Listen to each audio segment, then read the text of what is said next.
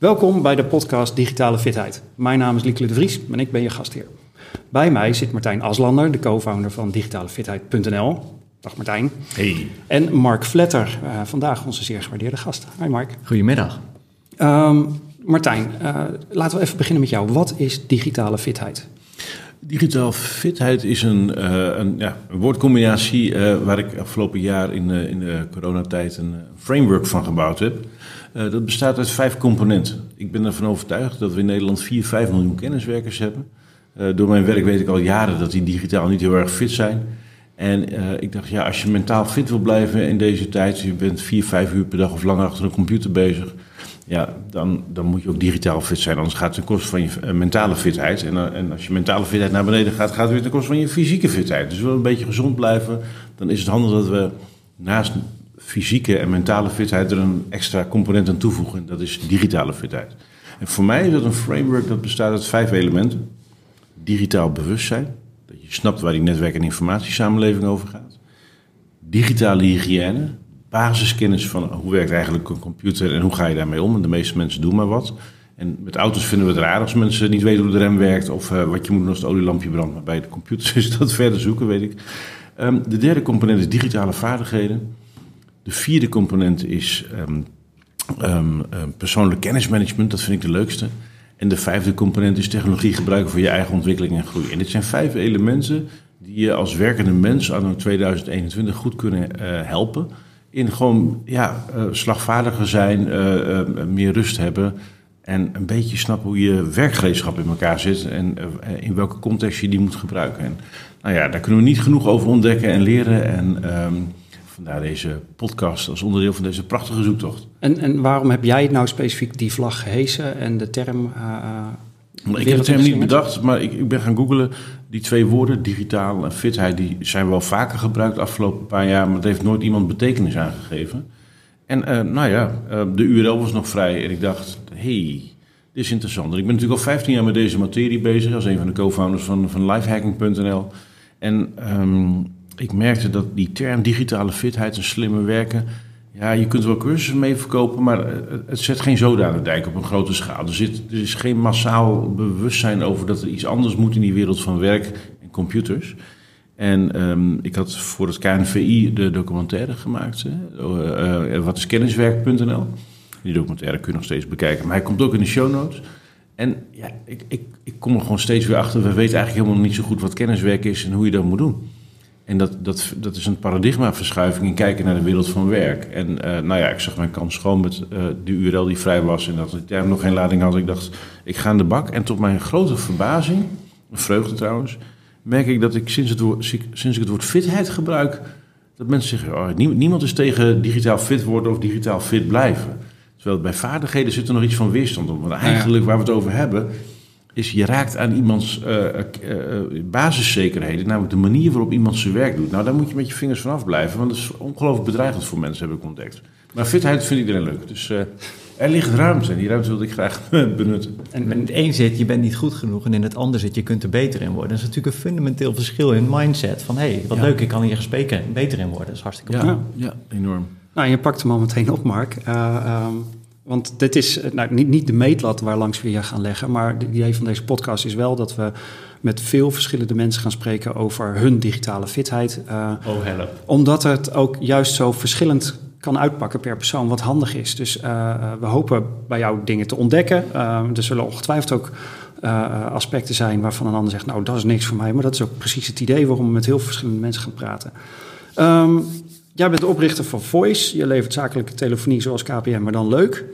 Um, en uh, je bent de oprichter van Spindle en van VoIP Grid. En eigenlijk ben je gewoon zo'n ondernemer die uh, maar niet stil kan blijven zitten. Um, en, je bent iemand die, we kennen elkaar natuurlijk al heel lang. Laat dat even duidelijk zijn voor de luisteraar die dat niet weet. maar ja, je bent ook gewoon wel een soort van prototype nerd. Uh, iemand die heel graag uitzoekt hoe iets zit, die heel graag uh, zijn, zijn dag optimaliseert en op een gegeven moment denkt, dit gaat me zo niet efficiënt, efficiënt of effectief genoeg. Dat is de indruk die je wekt. Dus ik, ik denk dat jij een ontzettend digitaal fit mens bent. Uh, maar we gaan het ontdekken. Ik ben heel benieuwd. Ik wou beginnen met um, tien hele korte vragen, met vragen waar ik op een heel kort antwoord op wil. Als mijn computer me niet uitsluit. dan heb je die digitale fitheid alweer. Um, en dit is gebaseerd op een Franse talkshow-host, Bernard Pivot, die die vragen vroeger aan zijn gasten stelde. En ik heb ze vertaald en dit is de Nederlandse versie. Wat is je favoriete woord? Toen ter tijd. En wat is je minst favoriete woord? Bureaucratie. Waarvan raak je opgewonden? Um, als techniek, maatschappij en proces bij elkaar samenkomen. Dat vind ik het uh, mooiste speelveld dat er is. Zodra uh, grote uh, technische veranderingen, maatschappelijke veranderingen teweeg brengen en hoe je daarmee kunt acteren. Dus hoe daar een proces tussen mens en techniek in ontstaat. Dat vind ik fascinerend. En wat is jouw grootste turn-off?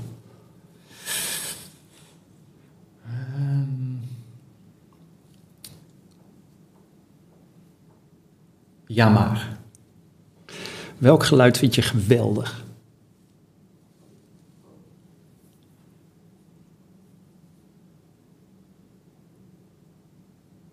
Je maar gewoon een goede vraag. Ik denk dat ik dan in de breedste zin voor muziek zou kiezen. En welk geluid haat je? Hoge piepjes. Wat is je favoriete vloekwoord? Teringjantje. Welk ander beroep dan je eigen beroep zou je nog wel eens willen uitproberen? Ik kom erop terug trouwens. Droeftoeter. Dat vind ik nog mooier. Maar dat is niet echt een, echt een vloekwoord. Maar droeftoeter, nee, nee, niet als woord, maar vooral als, als terminologie om iemand te duiden die het niet helemaal begrepen heeft. Maar wat was, sorry, wat was je vervolgvraag? Welk ander beroep dan je eigen beroep zou je altijd nog een keer willen uitproberen? Het lijkt mij heel interessant om of het gezondheidsstelsel of het onderwijsstelsel uh, te bewijzen dat het radicaal beter kan. Welk uh, beroep zou je nooit willen hebben? Manager. En wat hoop je dat men later over je zegt wanneer je eenmaal niet meer op deze planeet bent? Aha, hetzelfde als bij mijn vader. Dat, dat, de, de, uh, het, dat, dat, dat ik een goed gevoel bij ze heb achtergelaten. Dankjewel. Nou, dat is een mooie, uh, mooi beeld van de, merk, de mens Mark Vletter als eerste. Um, maar we hadden het er net al even over. Vind jij jezelf eigenlijk digitaal fit? Ik, ik denk dat ik bovengemiddeld digitaal fit ben. Ja. Um, uh, ik, ben, ik ben makkelijk met technische tools. Ik leer ze ook snel aan. Op een gegeven moment kreeg ik voor het eerst een VR-set op mijn hoofd. En dan zit er een tutorial bij. En uh, de mensen die die tutorial deden, die zeiden... ik heb nog nooit iemand zo snel door die tutorial heen zien gaan. En jij doet ook allemaal dingen die andere mensen niet zouden doen. Ik, je moet op een gegeven moment een blokje vastpakken. En toen dacht ik, oh, dan moet je hem dus waarschijnlijk ook naar je andere hand kunnen gooien. Toen hadden ze nog nooit meegemaakt dat iemand gelijk dat ging doen. Kun je dan ook jong leren bijvoorbeeld in VR. Dus um, uh, ik denk dat het bovengemiddeld, uh, dat het me makkelijk aankomt. Ja. En uh, hoe denk je dat het zo gekomen is? Ik, ik, heb, ik heb altijd wel het, het, maken heel erg interessant gevonden, het maken van dingen. Um, ik heb, op een gegeven moment kreeg ik mijn eigen kamer. toen hebben mijn moeder en ik de zolderkamer samen verbouwd. Zelf de stroom aangelegd, zelf geschilderd zelf kastjes gebouwd. Dus ik vond het maken altijd interessant. Um, toen op een gegeven moment kregen wij een eerste generatie computer thuis. En het is het meest maakbare apparaat wat er is. En daar kom je dan ook achter, want je kunt een computerspelletje niet spelen op het moment dat je niet uh, de juiste CGA-modus uh, hebt. Dus je moet je command.conf en, uh, en je auto-exe.bat moet je aanpassen om de juiste spelletjes te kunnen spelen. Uh, ik denk ook dat mijn generatie heeft geleerd dat de computer maakbaar is. En dat er relatief gezien veel tech-founders zijn uh, uit mijn generatie om die reden. Die leerden dat je de computer kon manipuleren. Terwijl je tegenwoordig ziet dat telefoons, dat zijn standaard apparaten... en dan installeer je apps op die het gelijk doen. Ja. Er zit geen, de maakbaarheid is lager. Even voor de luisteraars, hoe oud ben je? Ik ben van 80. Je bent van 80, 1980, ja, dat, ja. dat, dat, maakt uit. Ja, want ik, ik moet nu even terugdenken aan mijn studententijd, uh, begin jaren 90. Toen kreeg ik op, voor het eerst ook een... Uh, computer thuis en die had een turbo-knop. En bij de computer had ik software gekregen met spelletjes. En een van die spelletjes was echt niet spelen met die turbo-knop aan. Want dan ging het spel ook zes keer zo dus snel. snel. Ja, ja, ja. ja, ja. Heel, grappig, hè? Heel grappig. En, en ik ben dan zo'n gebruiker die dan denk oh, nou, dat is ook stom. Uh, laat maar. Maar jij was iemand die dan dacht, ah, hoe komt dat? En kan ja. ik daar wat aan doen? Ja. ja. Mooi. hey, en um, heb jij een voorstelling bij de term informatieliquiditeit? Um, ik, heb, ik, vol, ik vind liquiditeit heb ik altijd een moeilijk woord gevonden. Ik ben niet zo van de financials, dus dat is altijd wel, uh, wel, uh, wel lastig geweest. Ik weet tegenwoordig als ondernemer dat uh, liquiditeit heel handig is, want dat zijn de middelen die je direct tot je beschikking hebt. Dus gewoon geld dat je gelijk kunt uitgeven, want het staat op de bankrekening. Ehm, als je het zou hebben over informatieliquiditeit, zou ik hetzelfde denken voor informatie. Dus informatie die gelijk bruikbaar is. Nou moet ik eerlijk zeggen dat in deze tijd zetten veel mensen hun geld op de bank en doen er niks mee. Dus hoe liquide, het, hoe liquide is het dan echt, zeg maar? Maar hoe zou jij, en, en, hoe zou jij je eigen informatieliquiditeit inschatten? die is steeds beter geworden. Ehm, ik vind nog steeds wel dat er bij mij relatief gezien veel waste kan zitten in het terugvinden van iets wat ik in het verleden gevonden heb omdat het nog wel eens over meerdere systemen staat. Een filmpje wat ik ooit gekeken heb, een podcast die ik ooit geluisterd heb. En ik word er eigenlijk steeds beter in om dat dan te verzamelen, in keywords te vangen, zodat ik het weer terug kan vinden als het nodig is. Ehm, ik moet nog leren om het af en toe los te laten dat ik het niet meer kan vinden. Een, eh, een, een coach van mij heeft ooit gezegd: je hebt de neiging om alles te willen vangen. Je zou ook af en toe eens kunnen kiezen om het gewoon los te laten en te accorderen dat het, eh, dat het er niet meer is. Dat, dat het vluchtig mag zijn. Ik vond dat ook wel waardevol. Ja, dan moet ik wel even aan jou denken, Martijn. Want jij bent volgens mij wel iemand die nagenoeg alles van een dag logt, of niet? Nou, ehm, ik streef niet naar 100%, maar alles wat ik kan vangen zonder al te veel gedoe, want ik hou niet van gedoe en moeite, uh, probeer ik te, uh, te, te, vangen. En ja, wat fascinerend is, is dat we steeds meer tools krijgen die het ons makkelijk maken om meer te vangen. En uh, dan kun je het analyseren en dan kun je het vergelijken. En dat is voor mij geen doel op zich, maar dat is gewoon een soort doorlopend experiment van wat zou er gebeuren als ik dit zou doen. En nou ja, dat levert weer grappige tafereelen op. Bij mij begon dit hele verhaal trouwens met een cursus bullet journaling van mijn zusje. Mijn zusje die is illustrator en die, eh, die doet veel met bullet journaling. En, uh, en zij gaf een cursus daar en ik, nou, ik denk leuk, zet ik, mijn, ik mag graag fotograferen, zet ik mijn zusje een keertje op de foto. En uh, toen zei ze van, vroeg ze aan die groep, wat hou je nou allemaal bij? Uh, en ik begon te schrijven naar die lijst, was eindeloos, dat ging maar door. Uh, en toen was vervolgens haar vraag, waar heb je nog geen goed systeem voor? En dat was eigenlijk het sleutelmoment waarvan ik dacht van, hé, hey, verdorie. Want bijvoorbeeld, ik, uh, ik uh, kan je vertellen hoeveel stappen ik heb gezet, hoeveel ik heb geslapen, welke biertjes en wijntjes ik heb gedronken de afgelopen tijd, hoe mijn agenda eruit ziet, waar mijn aantekeningen staan, et cetera. dagverslagen. Ik, ik, had heel veel dingen die ik bijhield, veel meer dan dat die andere mensen hadden. Dus ik schrok daar zelf ook wel een beetje van. Uh, aan de andere kant, wat Martijn al zegt, het is super eenvoudig geworden. Die horloge vertelt me echt wel hoeveel ik geslapen heb. Daar hoef ik verder niks voor te doen. Nou, je moet het wel weten terug te vinden. Je moet vervolgens ook chocola kunnen maken van wat je, uh, wat je daar ziet of leest. Ja. Want uh, kun je bijvoorbeeld dat slapen. Ik, ik herinner me van jou een blog ook over hoe je beter gaat slapen. Met een hele handvol tips. Um, hoe vaak ben je daar dan, dan mee bezig? Hoe hou je dat in de gaten? Uh, nu niet meer, maar ik heb een jaar lang heb ik gekeken welke dingen er het meeste... Uh, nou, nee, laat ik beginnen bij het begin. Um, er is heel veel wetenschappelijk onderzoek inmiddels dat slaap misschien wel het meest belangrijke is van, van, je, van je dag. Als je gewoon fit wil zijn, niet alleen digitaal, maar ook fysiek. je leeft er gezonder door, je hebt meer mentale weerstand, je kunt geaardig op dingen reageren. Dus slaap als, daar begint het eigenlijk. En ik wist relatief gezien weinig van slaap en er wordt een hoop over gepubliceerd. Maar ik wilde dat dan ook op proefondervindelijk, wilde ik erachter komen dat het werkelijk zo was. En toen kocht ik een Aura Ring. Uh, dat is een ring die bijhoudt hoe je slaapt. Ik zou hem niemand aanraden, want het ding houdt nog geen twee jaar vol. Maar uh, wel een geinig apparaatje. En toen kon ik in één keer zien van... hé, hey, als ik alcohol drink, dan slaap ik echt daarna super slecht.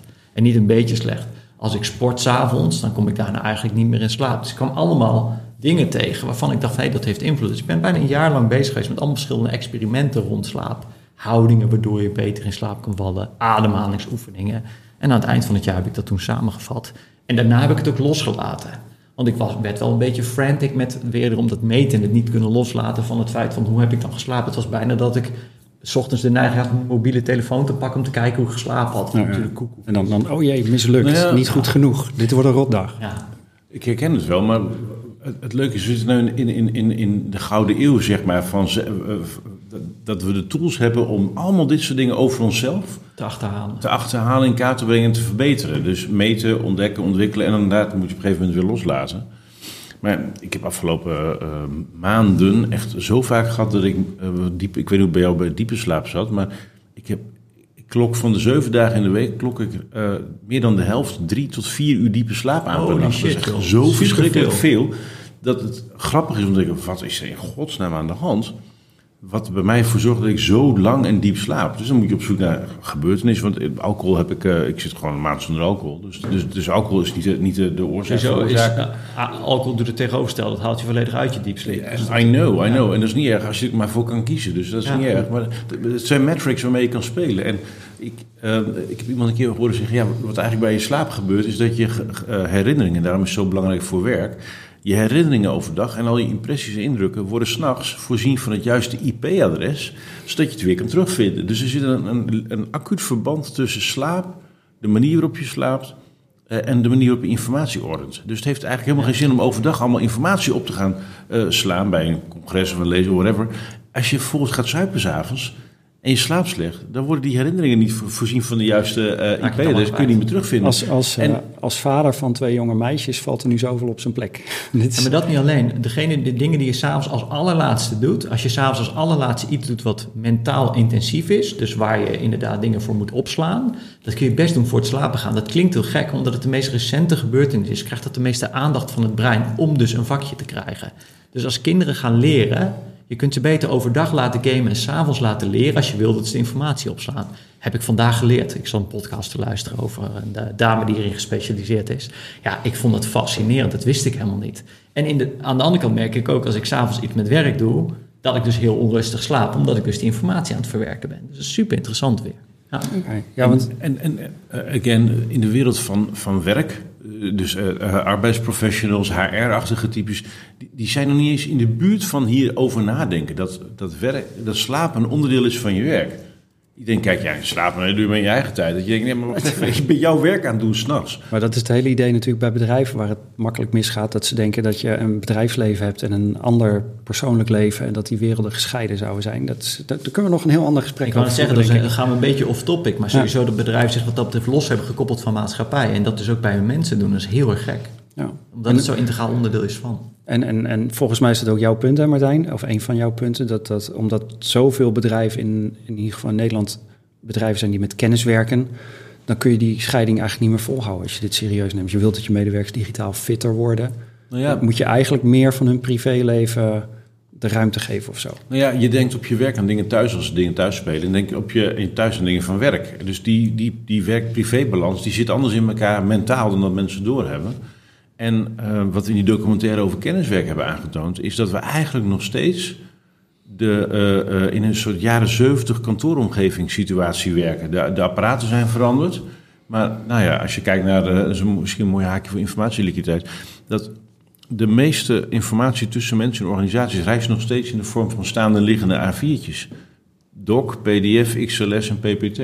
En dat is een overblijfsel van de jaren 70 kantooromgeving. En de softwareontwikkelaars die de spullen hebben, uh, de, de, de fundering hebben gelegd voor de software die we nog steeds gebruiken. En die hebben gewoon die, het kantoor van de Die hebben gewoon een spreadsheet en, en, en, en het A4'tje uit een typemachine geëmuleerd. Dat zie je sowieso überhaupt nu allemaal. Uh, ik noem het echt even bewust remote aan het werk zijn. En daar ga ik zo meteen nog even terugkomen. Maar nu we allemaal remote aan het werk zijn, uh, hebben we gewoon eigenlijk de kantoorsituatie gepakt en die plotten we op thuis. Er wordt nog net zoveel vergaderd. Er worden allemaal dingen gedaan die eigenlijk heel dom zijn. We moeten zo snel mogelijk door deze fase heen, want het is, het is uh, funest voor wie we zijn. En de um, oprichter van WordPress beschrijft eigenlijk de vijf fasen die je daarin ziet van... Hij noemt het niet remote werken, maar gedistribueerd werken. En dat is een veel betere term. Want remote geeft een scheiding aan, terwijl gedistribueerd iets van samen aangeeft. Remote is eenzaam, uh, gedistribueerd is samen. En hij zegt uiteindelijk moet je naar level 5, en dat, ik zal heel veel. Het is de effectiviteit zonder dat het moeite kost. Het is wanneer iedereen in het bedrijf tijd heeft voor welzijn en geestelijke gezondheid, waarmee mensen het beste uit zichzelf en het hoogste niveau van creativiteit halen, om daarmee het meest bij te dragen aan de organisatie. Oftewel, de op zijn allerhoogste niveau van kunnen brengen, om daarna iets te kunnen doen voor het bedrijf. Ja, dat is zo'n prachtig. Uh, hij noemt dat overigens nirvana, daar zijn we nog ver van. Maar uh, het, ik vind het zo mooi wanneer mensen simpelweg liefde hebben voor wat ze doen en plezier hebben terwijl ze dat doen. Ja, dat is ja. trouwens een ander mechanisme. Want je, uh, dat, die scheiding maken die je benoemt, hè, dat, de grondleggers van 37 Signals, die hebben natuurlijk ook remote juist als soort van geuzenvlag gehezen lang Super geleden. Van, uh, bij ons werk je juist wel vanuit huis en we hebben niet zo'n centraal kantoor waar dat moet. En die snap ik ook wel, want je maakt heel duidelijk het verschil zichtbaar. maar je creëert weer een, een scheiding. Uh, en als je de term gedistribueerd werk kiest, dan uh, vervalt dat een beetje. De essentie van een organisatie is dat je het organisch en samen doet. En vervolgens ga je het hebben over remote, ver uit elkaar. Dat, dat is al, er zit al een contradictie in. Ik geloof ontzettend van de kracht, in de kracht van taal. Dus ik vond het een mooi artikel van, uh, van Matt van WordPress. Matt Mullenweg, ja. Yes. Nou, die zetten we ook in de show notes. hey, um, ik heb er even vier hele korte vragen tussendoor. En we beginnen even met welk apparaat gebruik je op dit moment het meest? Um, ik heb thuis een, een computer zelf gebouwd. Um, dat heb ik toevallig net voor uh, dat uh, dit hele thuiswerkavontuur begon gedaan om foto's te kunnen bewerken. En dat is gewoon een beest van een machine die echt bedoeld is voor fotowerking. Maar waar je ook fantastisch mee thuis kunt werken blijkt. Dus dat, die gebruik ik. Cool. Welke apps gebruik je het meest? Notion, Google Drive, Hangout, Workflowy, Slack, Frans, Rambox. Dat zijn ze ongeveer. En Spotify. En welke app uh, is het afgelopen jaar in jouw leven gekomen die je niet meer zou willen missen? Notion. Notion. Kunnen we straks nog even verder praten. Uh, als je van de rails raakt door gebeurtenissen in je leven, hoe lang duurt het dan voordat je weer on track bent? Eén nacht slaap. Over het algemeen. Wauw. Dus als ik uh, overdag iets meegemaakt waarvan ik echt op het werk denk van jee, dat ging echt k, dan kan ik de volgende dag weer opstaan en denk van nieuwe dag, nieuwe kansen. Um, heb je, is dat iets wat je altijd kon of heb je jezelf dat geleerd? Ik, heb een, uh, ik ben een, zoals vrienden zeggen, Mark is zo'n irritant blij ei. Um, uh, en dat is denk ik ook wel zo. Ik denk dat ik uh, makkelijk inzoom op de dingen die positief zijn en de dingen die wel kunnen. Ik heb wel bijvoorbeeld, even heel praktisch, we hadden het net al even van, goh, wat, wat, wat zou je mensen later over jullie zeggen? Ik ben bijna drie jaar geleden mijn vader verloren. Um, en dat was wel een situatie, ik vind rouw, vind ik, is een ander soortig proces waar je veel meer tijd voor nodig hebt, waar je ook altijd doorheen moet. Um, ik zou ook heel graag zien dat we in Nederland rouwverlof krijgen. Dat kennen we namelijk niet. We kennen verlof als je gaat trouwen, als je kinderen krijgt. Ik denk dat dit ingrijpender is dan, dan dat. Um, en dat is iets waarvan ik ook op dat moment wel mentaal ben teruggeschakeld. Ik vond het heel fijn om regelmaat te hebben, bij mijn collega's te kunnen zijn. Uh, maar de creativiteit was wel uit het werk. Je, je headspace is anders. Dat heeft aanzienlijk langer geduurd. Ja, en dat is ook niet erg. Ik, sterker nog, het hoort bij het leven, ja. denk ik. Het zou ook raar zijn als je ouders voor altijd bij je bleven. Ja. Denk ik. Ik kan me niet voor. Ik heb het nog niet meegemaakt. Um, super. Hey, um, uh, het, het, als ik zo met je praat, dan denk ik van nou, die man die moet gewoon stikken van de routines. Uh, want dat is hoe ik het me voorstel, dat je alles gedaan krijgt wat je voor elkaar krijgt. Heb je veel routines in je dag? Um, uh, uh, laat ik beginnen met het feit dat ik ze vroeger helemaal niet had. en ik, ik ben nooit getest op ADHD, maar er zijn zat docenten geweest die me daar wel van beticht hebben. Um, dus ik heb heel veel routines moeten aanbrengen om mijn natuurlijk gedrag enigszins onder controle te krijgen. Want anders gaat het echt alle kanten op. Um, hoe oud was je toen je dat bewust werd? Ik denk dat mijn ouders daar wel een grote rol in hebben gespeeld om, uh, om me daarbij in ieder geval te begeleiden. Als je thuis komt doen we eerst dat, als je dit doet doen we hier dat. Ik ben ook iemand die is altijd dingen kwijt. En zoals mijn oom Jan altijd zei, maar om een of andere reden vind je het ook altijd terug. Dus we hebben de term misplaatst uitgevonden in plaats van kwijt, omdat het een accuratere beschrijving is van wat er over het algemeen gebeurt. Um, en nog steeds uh, heb ik, ben ik met regelmaat uh, mijn sleutels uh, kwijt. Dus dat is niet helemaal veranderd. maar ik heb daarna, dus in me, zeker naarmate ik. Toen ik naar de HBO ging, toen kreeg ik al veel meer systemen. En toen ik daarna voor mezelf begon, toen is dat, is dat heel belangrijk geworden. Om, om heel veel systemen erin aan te brengen. En hoe volwassener de organisatie wordt. We zijn inmiddels met 150 mensen. Hoe belangrijker ik ook merk dat die systematiek erachter eigenlijk is. Dus ik heb tegenwoordig heel veel routines. Mijn dag begint altijd op een bepaalde manier, of vaak op een bepaalde manier. Um, ik probeer iedere dag een check-in te doen, waarbij ik even kijk wat die dag in de agenda staat, wat mijn aandacht bedoeft, behoeft. Aan het eind van de week doe ik even een reflectie op de week. Aan het begin van de week kijk ik even wat zijn de belangrijkste elementen die ik deze week mijn aandacht moet geven. En dat kan heel concreet zijn. Ik moet deze week gewoon zorgen dat mijn kinderen naar school kunnen gaan thuis. Die stond er uh, in het begin van de lockdown bijvoorbeeld op. En uh, deze week stond, stond, staat dit erop, dat we de podcast gaan opnemen. Um, en daar zit een thema-artiek voor mij omheen waar we al met het werk mee bezig zijn. En we hebben morgen een, een strategie-sessie voor hoe aankomend jaar eruit ziet. Dat zijn mijn twee dingen, dingen voor deze week. Als ik die succesvol heb gedaan, heb ik een goede week gehad. Nou, en dan is het nog maar dinsdagavond als je dat allemaal achter de rug hebt. Dat is correct. Ja, Dus dat, dat geeft ook veel lucht. En ben je ook actief bezig met lezen over routines? Dus eh, zijn- zijn er podcasts of boeken of eh, blogs die je daar actief over bent gaan zoeken om je routines aan te scherpen en, en zo? Of eh, is het gewoon op gevoel? Nee, dat is wel op gevoel. En, wat scheelt is dat ons werk een bepaalde vorm van routinematigheid afdwingt. Als wij een bespreking hebben met het werk, dan hebben we een aantal checklist-items... waar je gewoon iedere dag simpelweg een ja of een nee kunt, op kunt stellen. Maar die kun je ook in je eigen leven introduceren. Eh, daarnaast praat ik er veel over. Maar, maar wacht even, dat was in het begin natuurlijk niet zo, Hoe bedoel je? denk ik. Want toen, toen ik denk dat je het over voice hebt, Ja? eh, dat begon als heel klein Ja, klopt. bedrijfje. Dat is erin gegroeid. Ja, ja, toen we met een man of dertig waren, ehm, toen hebben we een systeem geïntroduceerd waarin in het bespreekformat wat we hebben, als we bij elkaar komen, hebben we daar een vast format voor. Ehm, dan beginnen we altijd eventjes met een check-in. Eh, en dat is eigenlijk om gedrag aan te leren. Dus bijvoorbeeld, ehm, heb je je laptop weg en je telefoon uitstaan zodat je present kunt zijn in deze bespreking. Ik noem maar eventjes wat, dat is een checklist item. Eh, staat eh, three minutes of good news op de agenda. eh, zodat we even drie minuten kunnen bespreken wat we vinden dat er goed gaat in het bedrijf. Ehm, dus dat zijn checklist items. Daarnaast bespreek je de metrics van de organisatie, oftewel de KPI's, hoe staan we ervoor. Daarna bespreek je de projecten die je met elkaar mee bezig bent. En tot slot heb je eigenlijk een lijst met dingen die op dat moment ten tafel komen. En die komen meestal eigenlijk voort uit die check-in items, of die metrics, of die projecten. Eh, en die worden op dat moment eventjes besproken en afgestemd. En dat gaat heel erg in van, joh, dit is de huidige situatie, ik wil graag daar naartoe, ik heb daar deze en deze hulp bij nodig, of deze en deze vervolgactie, of dit en dit project. Dus dat is een beetje hoe onze meetings eh, eh, in elkaar zitten. Dus, dus jouw, jouw, jouw persoonlijke ontwikkeling in je jeugd met je niet gediagnosticeerde ADHD ja, heeft ook zijn invloed gehad op hoe het bedrijf is gaan werken. ik denk het wel. Eh, Jij was natuurlijk toen al niet meer de enige, maar ik, ik zie dat wel zo'n beetje in elkaar Ja, en bijna. ook bijvoorbeeld, ik, ik denk dat mensen met ADHD ook snel leren de, hoe je om moet gaan met fouten. Ik denk dat dat een van de mooiste eigenschappen is die ADHD met zich brengt. Dat je, maar zeggen, expert wordt in fouten maken. En ik denk ook dat dat wel echt heel sterk in het bedrijf zit. Dat het experiment prevaleert over de, eh, over de impact van de fout, zeg maar. Dus het leren belangrijker is dan het feit dat het in eerste instantie niet goed ging. Want het gaat in eerste instantie heel vaak niet goed als je nieuwe dingen probeert. Ja, ik herken het. Welke tools gebruiken jullie voor die checklist?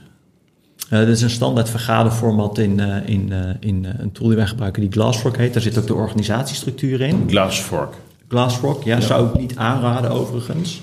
Ehm, wat ik ook heb geleerd van, eh, wederom van Matt. Ik, eh, jij vroeg net waar leer je dingen. Ik luister heel veel podcasts. Ik kijk heel veel eh, online video's. Eh, dat zijn mijn twee belangrijkste leermethoden. Ik lees misschien, ja, tot mijn grote spijt, maar vier of vijf boeken per jaar. Ehm, maar de, de informatiedichtheid van een boek en de snelheid waarmee ik het kan opnemen, vind ik, het zijn voor mij heel lastig om te verwerken. Dus ik word altijd heel, ook al heb ik eh, trainingen snel lezen gehad, ik word altijd heel moe van het lezen van boeken. En dat heb ik bij video niet, omdat vaak de informatiedichtheid veel groter is. Dat vind ik dus prettig. Ehm, En kijk je die op normale snelheid of op eh, hogere snelheid? wat? Video's. Video's altijd op normale snelheid. Podcast luisterde ik, eh, luister ik altijd iets versneld. Ja. Ehm, eh, en wat ik altijd probeer te doen, en dat heb ik ook bij boeken. Zijn mensen heel veel boeken lezen. En dan vraag ik ze ons, wat heb je van die boeken geleerd? En dan kunnen ze misschien eens één of twee dingen uit een boek halen. Dan vind ik een boek niet heel zinvol. Ja, dat klinkt heel gemeen als ik het zo zeg. Maar ik vind dat informatie wel actionable gemaakt moet kunnen worden. Dus ik heb boeken die ik lees. Dan lees ik een hoofdstuk en denk van ja, oké, dit moet ik nu eerst in de praktijk gaan brengen. En dan leg ik het boek weg. En twee maanden later denk ik van oké, het zit nu in mijn systeem. En dan lees ik het boek weer verder. Maar Is, dat met alles zo, dat het zo actionable, zo doelgericht Ja, is? dat, ik kwam daar van de week toevallig achter dat, en dat mijn broertje moest er hard op lachen toen ik, toen ik daar weer op terugkwam. Bij mij zit er in alles wat ik doe een onwijs doelmatigheid, blijkt. Ehm, dus ja, dat, ik heb wel heel snel dat het doelbewust en doelgericht Dus je, je, denkt, je zou wel van jezelf zeggen dat jij dat misschien wel veel meer hebt dan andere mensen. dat Oké, ben ik- Dus ja. dat, dat is even de disclaimer voor de luisteraar. Hè? Dat Ja. je niet denkt dat dit voor jou per se moet, lieve luisteraar. Maar het is Nee. misschien wel inspirerend. Ja, nee, ik heb dat, eh, het is ergens ooit een keer het systeem ingeslopen. Maar ik kan me voorstellen, de, bij mij komen er heel veel boeken het huis binnen. Ik, ik lees, ben altijd wel een stuk of tien boeken tegelijkertijd bezig. Maar ehm, een, een- andere functie van een boek kan toch ook zijn een soort bredere understanding van een veld, een fenomeen. Je leert taal en dat soort zaken. Dus er zit niet een actionable ding in, maar het omveld van het boek en wat, wat dat boek representeert, geeft je een, een beter gevoel van ja, eh, begrip over een heel veld waar van alles in speelt. Maar eh, ik ben het helemaal met je eens. En wat ik vooral interessant vind aan het boek is het dat het vaak de historische context vastlegt. Die, dat vind ik het enige interessante in een boek eigenlijk. Ja, dat stuk miste ik net. Dat het, dat het het voortraject vastlegt. Maar als je de laatste versie van informatie wil hebben en hoe het zich geëvolueerd heeft, dan vind je die nooit in een boek. Nee, nee, eens, eens. Uh, en omdat wij over het algemeen nogal op de grens van zitten van wat er op dit moment wordt ontwikkeld qua organisatietheorieën, et cetera. Is het, je daar niet zijn? Nee, haal ik daar geen nieuwe inzichten uit die ik daar naar voort kan brengen. Ook al vind ik dat we verrassend vaak dezelfde fouten maken als die die geschiedenis ons al geleerd heeft. Dus er zit een dualiteit in. En gelukkig heb ik heel veel collega's die een achtergrond hebben in de geschiedenis.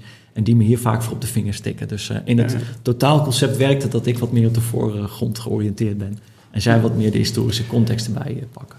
Hey, en uh, je, je vertelt net, uh, bij je routines er zit ook heel veel bij wat gaat over vooruitkijken en even terugblikken. Ja, dus dat is pas sinds die boelen, dat is pas twee jaar. Dat is heel kort en dat had ik eigenlijk veel eerder moeten doen. Als ik mensen iets zou aanleren in de universiteit, is het dit stukje reflectie en, en en eigenlijk de wijsheid die je daarmee brengt voor je future self. Dat zijn eigenlijk de twee laatste pijlers van digitale fitheid. Zeg maar dat persoonlijk kennismanagement. Ja. En uh, hoe gebruik je technologie voor je eigen ontwikkeling en groei. En het idee daarachter is een beetje van als je ergens naartoe wil, dat impliceert dat je nu ergens anders bent. En als je vastlegt waar je nu bent en je, kunt, uh, je weet waar je naartoe wil, dan kun je in stapjes kijken van hé, hey, waar ben ik ten opzichte van? Dus een soort routekaart van, van je ontwikkeling. En technologie is daar ja, waanzinnig handig in ja, bullet journaling valt daar wat mij betreft ook onder. Dus dat zijn een van de thema's waar we nog meer mee willen uh, bij digitale fitheid. En misschien als jouw zus daar cursus over geeft, ja. kunnen we een keer uitnodigen bij digitale fitheid voor een, uh, een videoopname of zo. Dat is, leuk. Het, ze, ze, heeft een hele andere aard van werk, uh, maar ze is ook ontzettend gestructureerd daar altijd in, valt me op.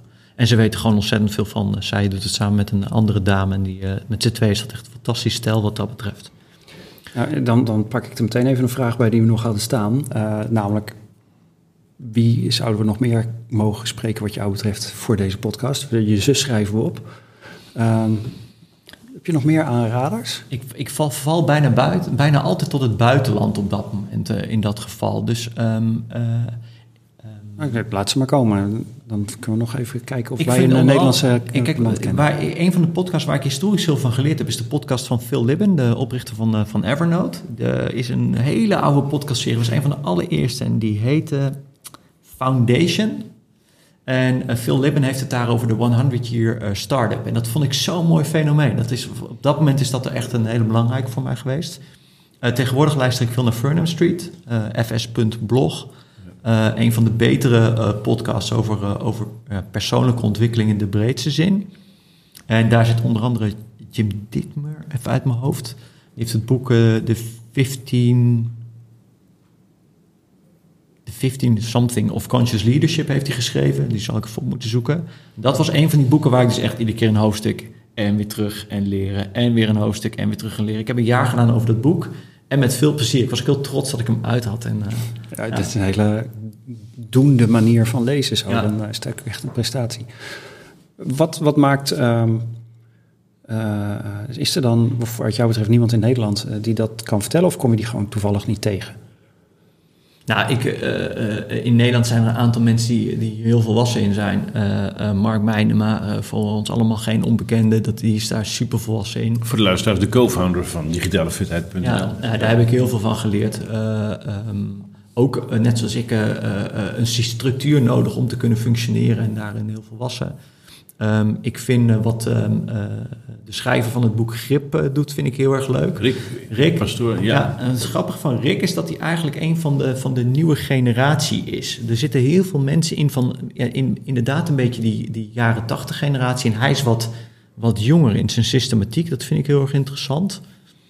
Um, ik, vind, ik vind dat weer interessant, want ik ben uit 1970, dus ik zit nog weer een generatie ouder. Ja. Ik vind het leuk om dat perspectief zo te zien. Ja, dus nou, is nog wel een interessante ontwikkeling uh, wat dat betreft. Uh, oh, daar heb ik nog wel een vraag over, uh, even als side note. Um, ik krijg heel vaak te horen dat, dat jonge mensen of de jonge generatie, dat die digitaal heel erg vaardig zijn. En als ik in de praktijk kijk, vind ik dat nogal meevallen. Omdat de, de mensen van onze generatie, die, die, zien al die kids bezig met Snapchat en TikTok. En, en denken, oh wauw, dat gaat snel en dat is heel anders en ik kan het niet helemaal pakken. Maar als je kijkt daaronder, is de, hun harde schijf één grote bende. Weten ze niet hoe ze een programma moeten installeren. Die disk images die staan steeds open. Uh, ik, ik heb niet het beeld dat jonge mensen per se veel digitaal vaardiger zijn dan mensen van onze generatie. Ik heb het even niet over de, de mensen uit de jaren 50 en 60, maar die, onze generatie die met de eerste generatie uh, PC's opgegroeid is. Ik heb het gevoel dat die niet per se minder digivaardig zijn dan, uh, dan ja, de kids van, van de, de twintigers van dit moment, zeg maar.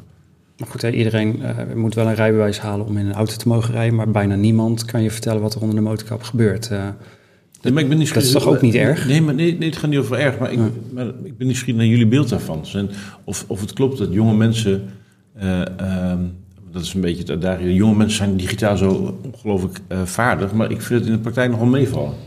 Ja, ik, ik, ik, ik, zie niet per se meer digitaal vaardig of zo. Waar het me wel opvalt, dat als ik naar mijn kinderen kijk... de oudste 12, de jongste 8...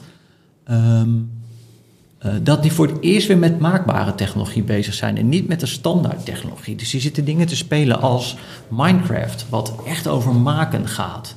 Um, dus ik heb meer het. Ik, ik, ik denk dat er een correlatie zou kunnen zijn tussen hoe ze met die techniek hebben leren omgaan. Oftewel, of ze de maakbaarheid hebben leren kennen, of dat ze het consumeren ervan hebben leren kennen. Ja. Nog een appje installeren, want een nieuw spelletje. Daar kan ik me wel wat bij voorstellen, zo intuïtief. Ja. Um, ik moest vroeger, mocht ook vroeger ook met Lego spelen, vond ik ook leuker dan Playmobil. Maar dat, bijvoorbeeld, Lego vind ik wel een goed voorbeeld. Ik, als ik met Lego speel, dan bouwde ik iedere keer wat anders en iedere keer wat nieuw en dan ging het uit elkaar en weer wat anders. Mijn kinderen bouwen Lego en als het af is, dan zetten ze het ergens neer, want dan is het af. Dat ken ik helemaal niet. Nee. Ja, dus ik same hier bij ons thuis. Maar dat vind ik, dat is voor mij een hele gekke gewaarwording. Het gaat dus niet meer om het het Cre zelf creëren. creëren. Het gaat om het uh, bouwen van het plaatje en daarmee is het project dus klaar. Dat is echt dat is anders. Dus misschien zit, ik denk dat daar meer in zit dan in die generatie. Uh... Ja, ik zag toevallig net, ik heb voor het eerst in de, in de, herfstvakantie, in de kerstvakantie de Star Wars saga helemaal bekeken. Die had ik blijkbaar nog nooit gezien in mijn hele leven. En uh, ik, heb vroeger heel veel met Lego gespeeld. En mijn, uh, mijn jongste, Pixie, die is nu drie, die is helemaal gek van Baby Yoda. Dankzij de Mandalorian. En ik heb nu die Millennium Falcon gezien, uh, het schip van Han Solo, uh, in Lego. 7000 stukjes. Dus ik ja. heb echt zoiets van, oh, ik ben benieuwd wanneer ik dat met mijn dochter in elkaar mag puzzelen. Wanneer ze er oud genoeg voor is om dat te willen doen. Maar ik denk niet dat ik die ooit nog uit elkaar ga halen. Want dat ding maar is zo precies, vet. Het is een uiting, het is een uiting van, dit is de finale vorm, maar nu is de ja. af. Ja, maar er, er, zijn twee versies van die Millennium Falcon. De goedkope, die heeft mijn zoon, die is die nu aan het bouwen. En je hebt de dure, en die staat in een koffiewinkel in Groningen binnenkort. En dat is echt een fantastisch ding. Het is ja. echt uh, ongelooflijk. Dus, uh, dus het, het, boekwerk is, is, het is gewoon een bijbel. Het is A4 formaat, het is 2 centimeter dik en dat is de... Is het ook gebonden? Hebben ze dat gewoon netjes gemaakt? Of is het gewoon een ringbandje? Ja, oh. Ja Oké, okay. dat is in ieder geval praktisch. Hey, we waren bezig met, met je routines, hè? met vooruitkijken en terugkijken, zodat je uh, dat verschil ook ziet. Um, uh, en, en, je vertelt nu dat zijn een soort van weekritmes uh, zitten daarin. Mm -hmm. um, maar heb je dan ook dat je voor langere tijd vooruit jezelf doelen stelt? Mm -hmm. 90 Hoe dagen. Dat? 90 dagen. Ja. Um, Waarom 90? Is zo gegroeid. Uh, op het werk doen we vier maanden. We doen al onze episodes vier maanden, omdat we daarvoor de tijd nodig hebben om wat dingen op te kunnen starten. En de organisatie is wat groter. En persoonlijk kijk ik altijd 90 dagen vooruit. En meestal duurt het wel wat langer. Maar uh, ik vind dat een te overziene versie van de toekomst. Dus dat, misschien is dat het wel. ik zit midden in een, debiel project, van af en toe moet je een debiel project doen, uh, waarbij ik uh, 25 jaar vooruit wil gaan kijken. Dus ik ben, nu, ik ben nu 48 en ik ben dit jaar staat een teken van 25 jaar naar achteren kijken.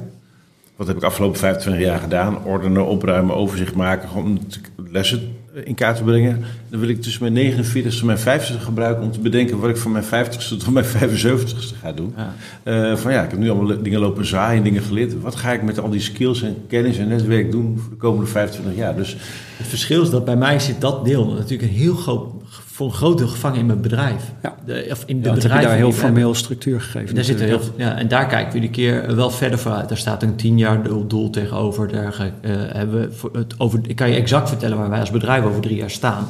Dus aangezien mijn privépersoonlijkheid nog wel redelijk is verbonden met mijn zakelijke identiteit, eh, zit daar wel veel overlap in. Dus misschien dat ik daarom ook maar 90 dagen vooruit kijk. Ja. Weet je wat me zo te binnen schiet? Ehm, ik stel me zo voor dat iemand hier naar luistert en denkt, nou, eh, is het ook nog wel een beetje leuk bij Mark? Kan er ook nog wel eens wat plotseling gebeuren? Hoeveel... ehm, het- ik, want ik, ik begrijp zoals je het vertelt dat het jou heel veel structuur geeft. Ik vermoed dat dat, dat dan ook vrijheid van handelen Juist. oplevert. Maar het mooie is, het geeft me vooral heel veel headspace. Als het op papier staat, hoef ik er niet meer aan te denken. Eh, ik heb aan het begin van de week heb ik een schema gemaakt met de kinderen, eh, ehm, voor, de kinderen, wanneer ik of mijn vrouw Ivanka eh, ze kan helpen met het thuisonderwijs. Dus hebben gewoon op de koelkast hangt gewoon papa, mama of niet. Dat is in wezen wat erop hangt. De rest van de week hoeven de kinderen niet meer te vragen of ze tijd hebben. Dus dat geeft daarbinnen heel veel ruimte en rust. Ehm, we hebben alle contactmomenten met de docenten hebben wij in Google Calendar gezet, ook van de eh, kinderen. Ik hoef dus niet iedere dag naar boven te lopen om mijn zoon te helpen herinneren dat hij op dit moment een gezamenlijk moment heeft rond de spelling. Want zijn eigen telefoon gaat gewoon een announcement en dan gaat hij achter zijn laptop zitten en gaat hij dat doen. Dus juist doordat het van tevoren georganiseerd is, geeft het heel veel rust binnen het proces zelf. En eh, kunnen wij, dat weten we ook exact, dat we iedere middag lekker tussen 12 en eh 1 lekker buiten kunnen gaan spelen. En lopen wij de grote, in de grote speeltuin lopen wij eh, voetjes van de vloer te spelen. Ik ken heel veel ouders die op dit moment de ruimte en rust daar niet voor hebben om dat te kunnen doen. Ik kan me er wel wat bij voorstellen. Het, bij mij overkomt me toch regelmatig nog wat een en ander. Dat, dat, dat, dat, dat is de essentie. Heel veel mensen overkomt het leven ook in grote, grote mate. En dat lijkt me heel erg angstig dat het je overkomt. Want je wordt continu verrast. Dat zou voor mij echt superveel onrust geven. Ehm, maar als mijn broertje mij nu belt, Mark, eh, vanavond vijf uur klaarstaan. Ik ga je niet vertellen wat we gaan doen. Eh, ik breng je morgenavond om, eh, om, om, weer terug. Dan, dan, ja, kom maar op. Dat, dat doen we dus hartstikke veel. Ik belde, eh, het, helaas niet doorgegaan. Ik had op een gegeven moment een filmpje online gezien van een man die loopt een marathon in 24 uur. Ik heb nog nooit een marathon gelopen. En 24 uur is voor mij heel erg mooi te overzien. Wat deed hij? Die liep iedere keer 20 minuten. En daarna deed hij klusjes in huis. Ik denk, geniaal joh, dat is echt leuk. Dat is ook een leuk videoproject. Dus ik belde mijn broertje op. Ik zei, joh, dit en dit en dit gaan we doen. Ik zeg, is goed, maar dan kun je. Ik zei, nou, eh, aankomende donderdag kan ik wel. En toevallig viel het toen in het water. Maar doordat er zoveel ja, ook headspace is, hadden wij binnen een mum van tijd ook een lijstje met eh, allemaal punten die nu nog aan het huis moesten gebeuren. 12 uur zouden wij doen, 12 uur zouden wij hen. En dan wordt het ook gelijk een superleuk projectje. Dus eh, Hey, en wat nou als de stroom uitvalt? Ja. Langdurig. ja. Dan ben je eh, die toegang tot al die eh, bronnen uiteindelijk een keer kwijt. De accu's zullen een keer leeg zijn. ja. Ik denk dat je dan ook hele andere problemen hebt. Dus dat het absoluut irrelevant wordt op dat moment. Ja? Ja, ja ik vind, ben heel erg van het problemen oplossen als ze zich voordoen. Liefst net ervoor, maar vooral als ze zich voordoen. Je moet geen problemen oplossen die er niet zijn. Daar gaat in het Nederlandse bedrijfsleven zoveel eh resources in verloren. Dat is echt su- super zonde. Wat als er dit gebeurt? Ja, de kans is groot dat het niet gebeurt. Dus gaan we in ieder geval voor de uitzondering gaan we niet lopen. Ja, de wat als joh, werkelijk. volgens mij zijn er de kabinetten gevallen. Ja, Ja, ja. Eh, de- eigenlijk zie je daarin een veel grotere trend. Hè? We zijn in Nederland niet meer goed in die uitzondering. We zijn heel erg van het standaardproces, de standaardregels. En dan komt er een corona, kunnen we er niet meer over weg. Dan komen er aardbevingen in Groningen. En dan zitten we tien jaar daarna nog te kloten met de vergoedingen. Dan gaat er iets fout in Ja, het... maar er zit ook iets Calvinistisch in. Want wij, no way dat wij gaan tolereren dat iemand ergens oorspronkelijk van profiteert. Dus we hebben liever dat 100 mensen benadeeld worden dan dat er één iemand bevoordeeld Ja. wordt. En dat zit volgens mij in ons Calvinistische Ja, eh, want dat, dat moet wel, want eh, het, zit niet in onze kruideniersgeest. Want als je de sommetjes maakt, dan is het nooit duurder als 2% Nee, maar een gelukje het- heeft. Even, voor mij was er in de jaren 80 een experiment. Het was in Utrecht goedkoper, zeg maar, om 35 eh, eh, eh, overlastgevende junks huis, niet eens geld, huis en eten te geven. Dat was geloof ik tien keer goedkoper dan de schade, en lo- los van de emotionele schade, die ze aanrichten met auto's, eh, autoruiten inslaan eh, en, en, en, en dingen jatten en zo. Maar wij trekken dat gewoon niet met onze volksaard. Dat, iets evident een beter idee is, maar ja, dat, dat gaat in tegen ons gevoel van rechtsvaardigheid. En daarmee snijden we onszelf in de vingers. ehm, we- gaan een beetje off-topic, maar misschien kan ik hem op deze manier terughengelen. Eh, jij gaf het net al, je schetst het beeld hè, van de, de, veel van de informatieomgeving die je gebruikt is gebaseerd op jaren een 70 heel- ouderwets beeld van hoe het kantoor destijds werkte. Mhm. Ehm, zit daar ook een soort van Calvinistische inslag in dat, dat, da- daar ook een soort van weerstand voor verbetering of vernieuwing eh, vandaan komt? Van ja, dat kan toch niet goed zijn, die nieuwe maniertjes, die snelle jongens en meisjes met hun apps. Dat kan toch niet beter zijn dan ons degelijke bedrijfsproces? Dat is één ding, maar er zit nog een ander ding aan vast en dat is de behoefte aan controle. Eh, eh, want ehm, eh, zeg, laten we eerlijk zijn, het salaris van bijna alle luisteraars is gebaseerd op tijdruilen voor geld. Dus je bent 40 uur per week, wil je, wil je, moet je uren draaien. In de praktijk is het een toneelstukje waar iedereen aan meedoet, want je bent aanwezig. Dat zegt helemaal geen zak over je impact.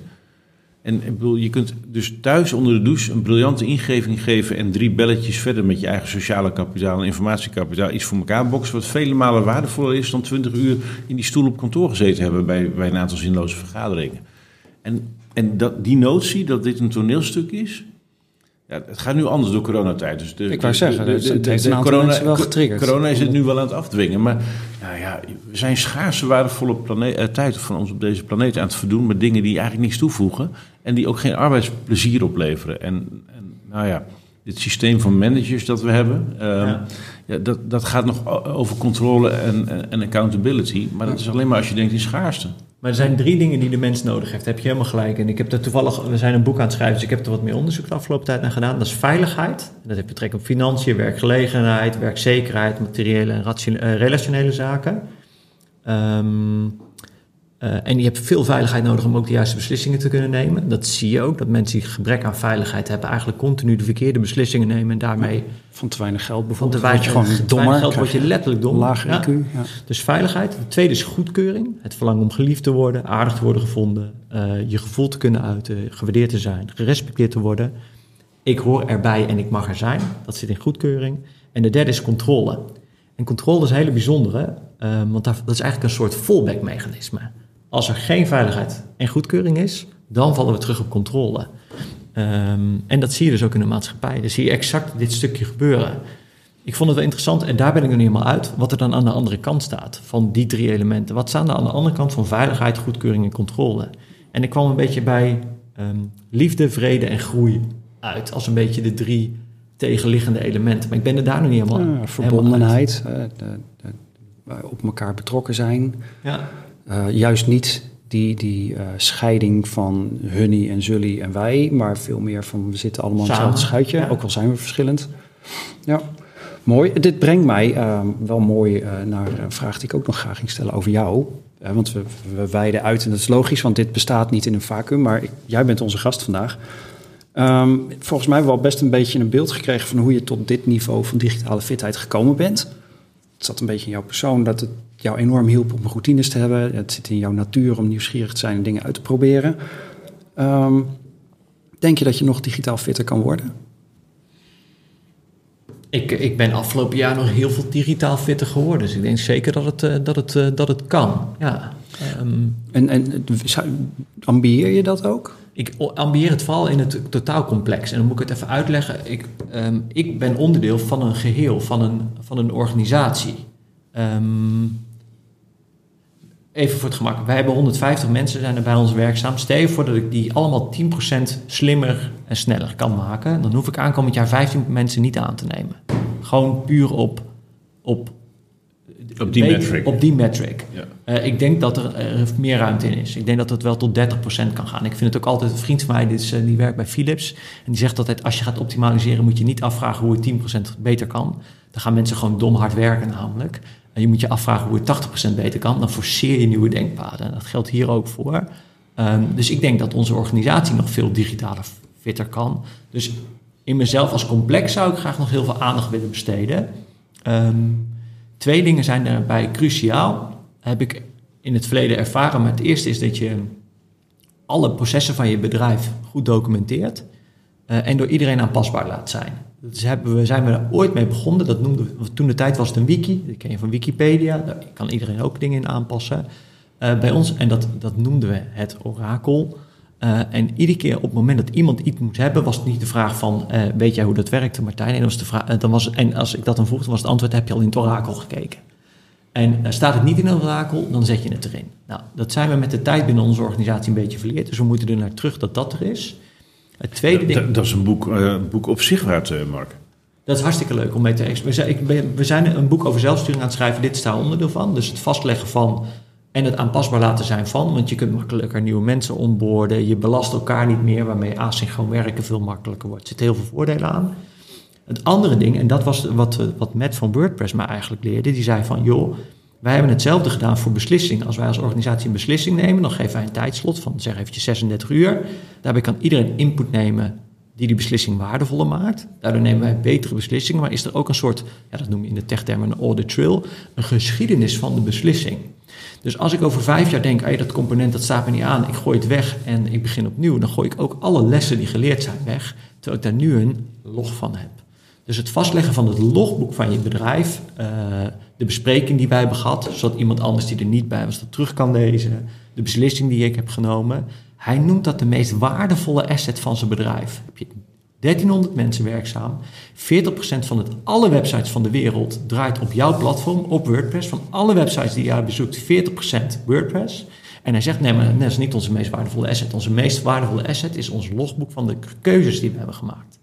Nou, daar moet je, als hij dat zegt, dan moet je daar leren uit. Weet je wat ik daarin herken trouwens? Dat, dat hij uh, benoemt dan ehm, het, het, mechanisme waarmee zij maken. Hij benoemt niet het klare eindproduct. Dus dat Lego-doosje, dat is, die website is niet wat hij verkoopt. Nee. Het, hij legt met elkaar... uit waarom het bouwblokje rood is geworden, zes blokjes heeft, et cetera. Dat zit in die beslissing. Dat stukje, um, we waren daar toevallig, een collega van mij was er twee weken geleden een experiment mee begonnen, waarin hij dat wilde doen. Ik zat deze podcast te luisteren. Het wordt nog veel belangrijker. Um, en dit, als je het hebt over de toekomst van werk en samenwerken, het feit dat je dat gedistribueerd kunt doen, onafhankelijk van tijdzone, dat ik weet waarom jij die beslissing hebt genomen, dat die na hoeft te vragen in real time. Dit gaat het fundamentele verschil maken in kenniswerk. Want je gebruikt namelijk werkelijk continu andermans kennis. Niet alleen mijn kennis is liquide, de organisatiekennis is liquide. Dus waar denk ik dat wij nog beter in kunnen worden? In systemen die voor iedereen werken en niet alleen omdat ik dat zo toevallig prettig vind werken, maar die voor iedereen werken, waarin we de kennis die mensen hebben liquide gaan maken. Um, en dat is heel erg interessant. En voor jezelf persoonlijk? Vind je jezelf wel digitaal fit genoeg voor eventjes? Nee, ik, ik leer iedere dag weer nieuw. Ik bedoel, deze inzichten van, het fit, eh, van die organisatiefitheid en dat dus vastleggen, dat was, eh, dat was van afgelopen week. Uh, ik heb dit, um, een vriend van mij zet op Strava dat hij had hardgelopen en die noemde dat aflevering 73. Ik denk, dat is lachen. Die heeft al zijn runs, sinds hij is begonnen met hardlopen, heeft hij genummerd vanaf het moment dat hij is gaan trainen. Toen dacht ik, hé, hey, maar dan weet je dus ook bij hoeveel je nodig hebt om iets te leren. Omdat je namelijk weet wat de progressie is, waar we het net al even over hadden. Ik heb dit weekend, uh, vanaf het begin van dit jaar dat ik ben begonnen met hardlopen, heb ik mijn trainingen genummerd. Dus ik zit, uh, training 63 was dit weekend. Dus dat heb ik geleerd. Ik heb, um, Wacht even, je hebt dit jaar al 63 keer getraind? Nee, van vorig jaar was dat. Oh. Dus uh, hij is begonnen gewoon in totaal, sinds ik ben oh. begonnen met hardlopen, heb ik 63 keer getraind. En ik kan ook daar tegenover plotten wat mijn conditie heeft gedaan. En heb je die in Word, uh, heb je die in Notion gezet of in de Workflow? Nee, die staan gewoon in Strava zelf. Die zijn Strava zelf. Laat, uh, laat ik laten staan. Ik, ik vind het wel leuk om nog even wat te horen, want ja. ik weet van jou dat je afgelopen jaar met zowel Workflow als uh, met Notion aan de bak gegaan bent. Um, ik denk dat het de tools zijn waar we de komende paar jaar nog heel veel van gaan horen en die een nieuw paradigma hebben in de manier waarop wij informatie opslaan. Kun je eens wat zeggen over die tools en wat het met jou gedaan heeft? Um, ik ben begonnen met, uh, met uh, Workflowy. Workflowy is in wezen een oneindige lijst van, uh, van nummers, van de bullets, van rondjes. Ik wou zeggen, ik associeer het meteen met bullet journaling. Ja, daar begon het dus voor mij ook. Dus op een gegeven moment was ik met, ik denk dit, Martijn het was die op een gegeven moment zei Workflowy.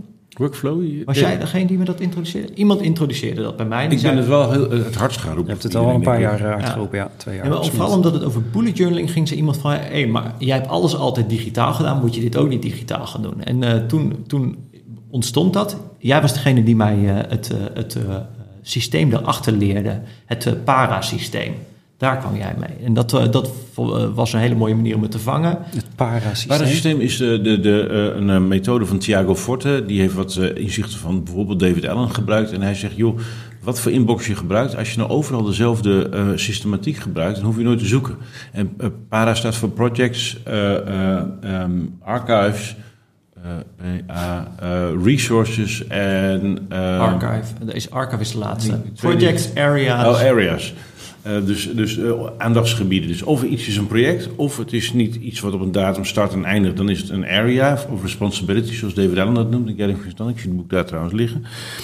Uh, of het is reference, moet het, het, mag niet weg, dus we moeten bewaren. Dan gaat het archief in. en die derde was... research. research. Dus echt onderzoeksgerelateerde zaken. En dat was, dat was een handige manier om het vast te leggen. Ik heb daar niet het maximale uitgehaald. Maar wat ik toen ging doen, ik ging iedere dag aan het begin, zo simpel als ik ging iedere dag aan het begin ging ik bijhouden van uh, uh, dit moet ik vandaag doen. En dan schreef ik erbij kleine verslagjes. En op een gegeven moment dacht ik van ja, ik wil eigenlijk ook bijhouden of ik er energie van kreeg en hoe lang ik erover gedaan heb. Dus dan was het slash plus voor energie, slash min voor geen energie, slash nul voor niks. En daarachter dan 15M, 60M, et cetera. En toen was ik dat een tijdje aan het doen. En toen zei, uh, dacht ik op een gegeven moment, ik wil eigenlijk alle activiteiten hebben die, uh, waar ik geen energie van krijg. Dan, ik, nou, heb ik nou geen over. Zeg van alles wat ik nooit meer wil doen. Of activiteiten waar ik heel veel energie van krijg. Dan weet ik nou wat ik vaker wil doen. En toen liep ik een beetje vast in Word, uh, Workflowy. Want um, ik kon daar die, dat was gewoon mijn tekst, vrije tekst. Ik kon daar niet zoveel meer mee dan dit. En toen dacht ik, ik moet het eens over gaan zetten naar Notion. Uh, en toen ben ik begonnen met uh, al mijn dagelijkse activiteiten in Notion zetten. Dus ook nu, dit staat in Notion. Ga ik straks even een klein verslagje van tikken. En of ik energie van kreeg, ja of nee. Um, en ik kan dus aan het eind van de week, kan ik nu filteren op alle dingen die ik niet leuk vond om te doen. En kijken of ik ze volgende week niet meer kan doen. Dan heb je vijf opties in. Je kunt het outsourcen, je kunt het gewoon stoppen met doen.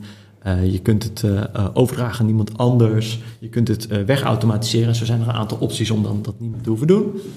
Um, dus daar begon het een beetje mee. En uh, um, wat ik ook graag doe, ik fotografeer graag, dat zei ik net al eventjes. Wat ik aan het eind van het jaar altijd doe, is even een jaarverslag voor mezelf schrijven. En dat vang ik ook in foto's. En op een gegeven moment dacht ik, ah, het is ook wel leuk als ik iedere dag even een foto dan bij die dag zet. Dus hoe vang ik dan die ene dag in één foto? Ja, huppakee, foto erbij. Dus nu staat er overal een foto bij. Dan kan ik ook in één keer, oh ja, die, e-, en de energie en de emotie erbij kun ik oproepen.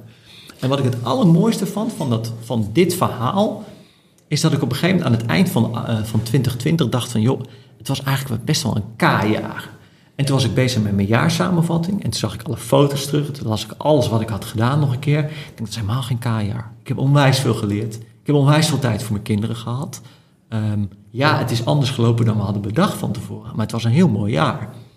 En daarmee demonstreer je ook nog hier het belang van terugkijken. En daar, dat was dus het belang van terugkijken. Want ik had namelijk de progressie die ik had gemaakt vastgelegd. En dat gaf me dus een heel... Ja, ik, oh ja, hetzelfde verhaal. Martijn doet het ook met de dagen vastleggen. Ja. Dus ik heb, dus ik heb uh, voor de mensen thuis... Ik heb een, een heel... Uh, elke dag de foto van, die het meest... Doe ik s'avonds. De foto die die dag het meest representeert.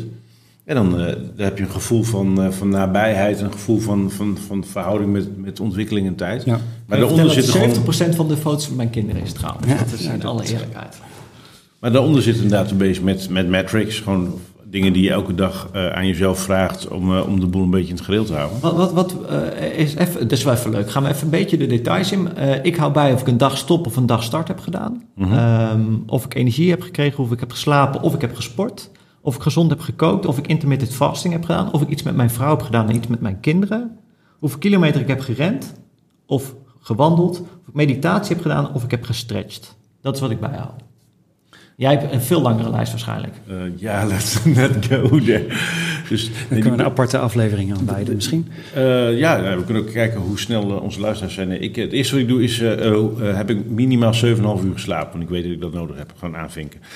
Um, heb ik mijn lijstje met, wat heb ik aan anderen beloofd? ik ben heel makkelijk, jullie kennen me. Ik beloof van alles.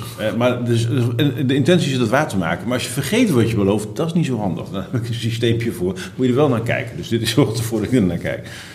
Uh, uh, ademhalingsoefeningen, koud afdouchen, pinguïnoefeningen, kokosolie, visolie, kaneel, vitamine C, push-up, push-ups, squats, uppercuts, shoulder fits, kettlebell training, intermittent fasting, ambronite shake, vitamine D, K, gember, kurkuma, grapefruit sap. Heb ik naar Blinkist geluisterd. Geen koffie na 16 uur 30. Heb ik mijn tanden gestoken. Boek gelezen. 16, uh, 11.500 stappen gezet. Groente gehad. Fruit gehad. Liter water gedronken. Twee keer tanden gepoetst, want het schiet er binnen. Geen alcohol, geen vlees, geen chips, guilty pleasure, heb ik mijn uh, dagverslagje gemaakt. Uh, hoeveel kilometer heb ik gefietst? Ik heb sinds kort een deskbike. Ik heb een teringhekel aan fietsen, maar sinds ik een stoel heb waarop ik kan fietsen, heb ik soms, waar ik de krant heb uitgelezen, oh, dat is trouwens wel vet. De nieuwe M1-chip, ik heb die Mac Mini thuis, die kun je iPhone en iPads opdraaien. Ik heb op mijn desktop, op mijn grote scherm, heb ik in één keer alle grote kranten op groot formaat. Dus ik ben gewoon de krant aan het lezen terwijl ik aan het fietsen ben. We zijn van de eerste die ik enthousiast hoor over mobile, mobiele apps op je Echt fantastisch. Ja, nee, maar echt. Een zware applicatie nee, maar, nee, maar daardoor heb ik het gevoel dat ik een, een, papieren krant lees, omdat ik een groot scherm heb. Dus, Goed, en uh, wat nieuwe dingetjes. Dus deze lijst, elke dag gaat bij langs. Maar dit gaat dus allemaal over het aanleren van aanleren van gedrag. gedragselementen. Dat is dus het grappige. En dan gaat die checklist op het werk ook over. En dat vind ik dus het grappige naarmate ik hier dieper induik, er zit een enorme overlap tussen wat je in een groep mensen kunt aanleren en wat je dus individueel kunt doen. En dat kan elkaar dus onwijs versterken. En ik vind dat nog wel een redelijk ontgonnen terrein van de digitale fitheid. Juist, en wij hebben het vaak over zelfsturing, omdat wij werken zonder mensen, zonder, zonder functies. Zelfbesturing noem je toch? Zelfbesturing inderdaad, die term ben ik langzaam naartoe aan het gaan.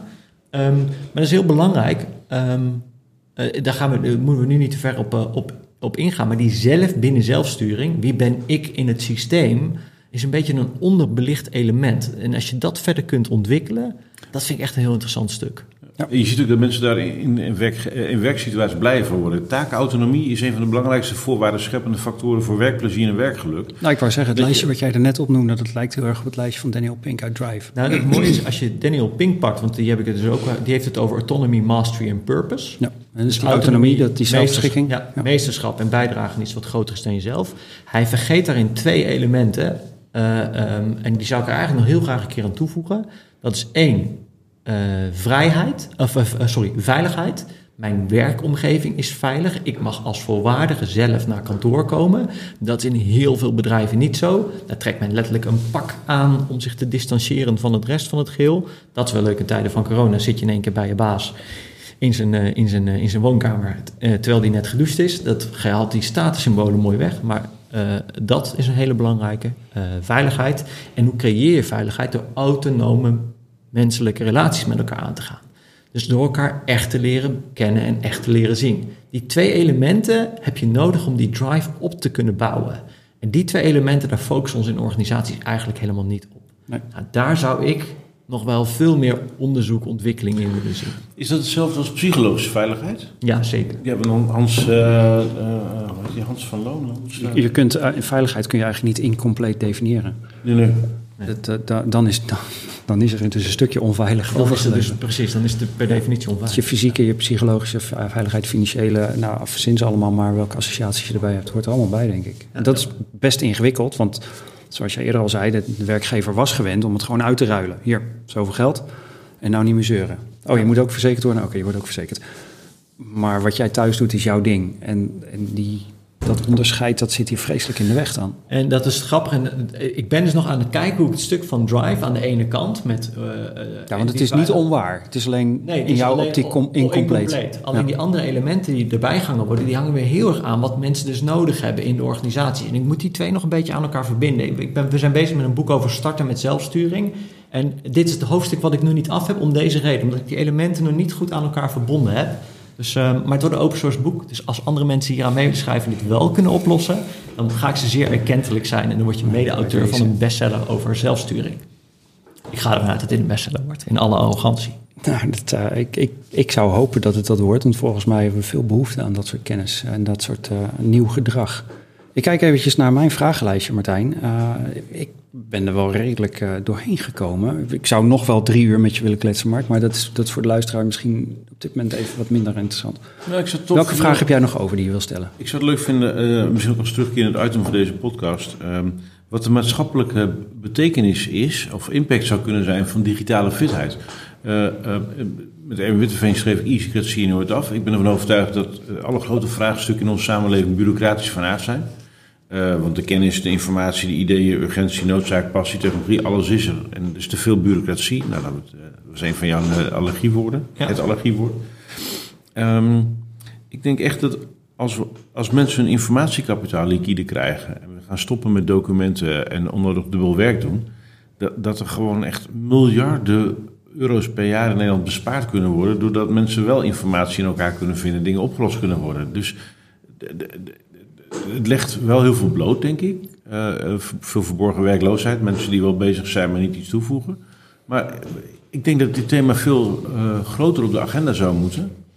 En tot nu toe is het onderwerp digitale fitheid in de Bermuda-driehoek verdwenen tussen HR, IT en IV, dus de informatievoorziening jongens. En wat het overal mee te maken heeft, is het eigenlijk van niemand. En de HR heeft van oudsher niet zoveel affiniteit met knopjes. Die zijn meer van mensen, vinden ze altijd. Wat, welke vraag wil je eraan koppelen? Ik wil Mark's gedachten en ideeën over. Mark, uh, voor de video. Uh, er gaat hier langzaam, het licht gaat hier langzaam uit. het gaat ook echt uit. Het gaat echt uit. Maar uh, hilariteit al. Ja, ja, dat was een Mark. moest een Eén rondje om de tafel. Nummer 63. de hardlooprondjes. Goed, terug naar Mark. Terug. Welke, um, welke vraag wil je koppelen Mark, aan dat beeld um, over digitale um, fitheid? ik ben nieuwsgierig uh, wat, wat jij denkt dat de hoe de samenleving eruit zou zien als die 4 miljoen kenniswerkers zouden weten wat kenniswerken is en digitaal fit zouden zijn. Wat het verschil zou zijn voor jouw gevoel. Ik denk dat we vooral een stuk minder druk gaan zijn. Ik denk namelijk dat als je dit doet, dat je heel veel ruimte in je hoofd krijgt uh, voor dingen die wel belangrijk zijn. Maar ook gewoon, ik, het gekke is dat de arbeidsproductiviteit de afgelopen jaren amper is gestegen. Het is echt, de afgelopen 30 jaar nauwelijks. Ja, precies, we lopen eigenlijk continu tegen de grenzen van het systeem aan. Terwijl de internet in wezen iedereen toegang geeft tot alle informatie en directe communicatie, zijn we niet... Het, had, exponentieel moeten stijgen eigenlijk. Precies. En uh, dat zou, zou ook moeten betekenen dat wij van de 40 uur werk naar een 30 uur werkweek uit gegaan en nog minder. Um, ik hoop dat er twee dingen gebeuren. Ik hoop dat we daar langzaam naartoe gaan. Ik hoop ook dat we er naartoe gaan dat de mensen die het werkelijke werk doen. Um, uh, mijn oma uh, zit op dit moment in een verzorgingstehuis. Um, als ik zie met hoeveel liefde, hoeveel liefde je voor dat vak moet hebben en voor andere mensen om dat werk te kunnen doen. En hoe dat betaald wordt, dan zit er een hele grote maatschappelijke de, uh, discrepantie tussen waarde en, en salaris. En uh, ik hoop dat we dat dan ook wat meer in balans krijgen. Dus ik hoop aan de ene kant dat we wat meer tijd voor elkaar hebben en de andere manier, aan de andere kant wat meer waarde en uh, balans kunnen vinden in het uh, beloningssysteem wat daar tegenover staat, het maatschappelijke beloningssysteem. En dan heb ik het ook over geld. Ik vind het een prachtig perspectief, want ik, ik deel hem en ik zie die kans ook. we zitten ook gevangen in manieren die we los zouden kunnen laten. En als we dat los kunnen laten, dan kun je in één keer weer veel meer vrijheidsgraden. Besef wel dat het radicale veranderingen zouden uh, zijn, ook op, op ook hoe je dingen bestuurt en hoe je dingen aanstuurt. En dat is heel erg interessant. En iedereen zegt continu, ja, maar dat kan niet. En toen kregen we corona en toen konden we in één keer, konden we van de een op de andere dag allemaal thuiswerken. Dus ik wil dat, dat kan niet bij ons, ik wil het gewoon nooit meer horen. Ik wil horen hoe je het gaat doen. Dat is eigenlijk het enige wat ik nog wil horen. En dat wil ik ook horen van de politiek. Ik wil niet meer horen dat het niet kan of dat het allemaal niet werkt of dat het niet tegelijkertijd kan. Ik wil horen hoe je het tegelijkertijd gaat doen. Ja. Mooie afsluiting. Ik ben heel benieuwd. Super bedankt Mark dat je hier de tijd voor wilde nemen en dat we in dit geval gebruik konden maken van een van jouw kantoorfaciliteiten. Uh, Martijn, wie gaan we allemaal bedanken? Uh, we gaan sowieso uh, de, de, de, de gastheer van deze ruimte bedanken. Dat is toevallig gewijs, niet toevallig gewijs. Ook Mark Vletten. Mark, bedankt. Misschien mogen we hier nog een keer terugkomen als we in Groningen gasten hebben. Waarvoor dank alvast.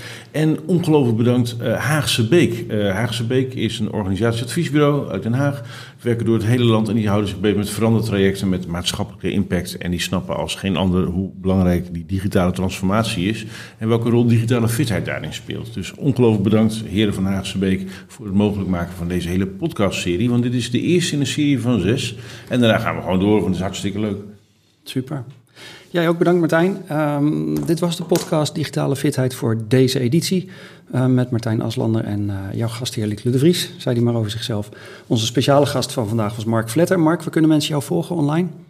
Uh, Twitter, markv of markvletter.com. Uitstekend.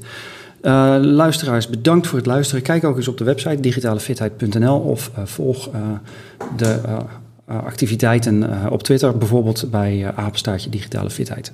Dank en tot de volgende keer.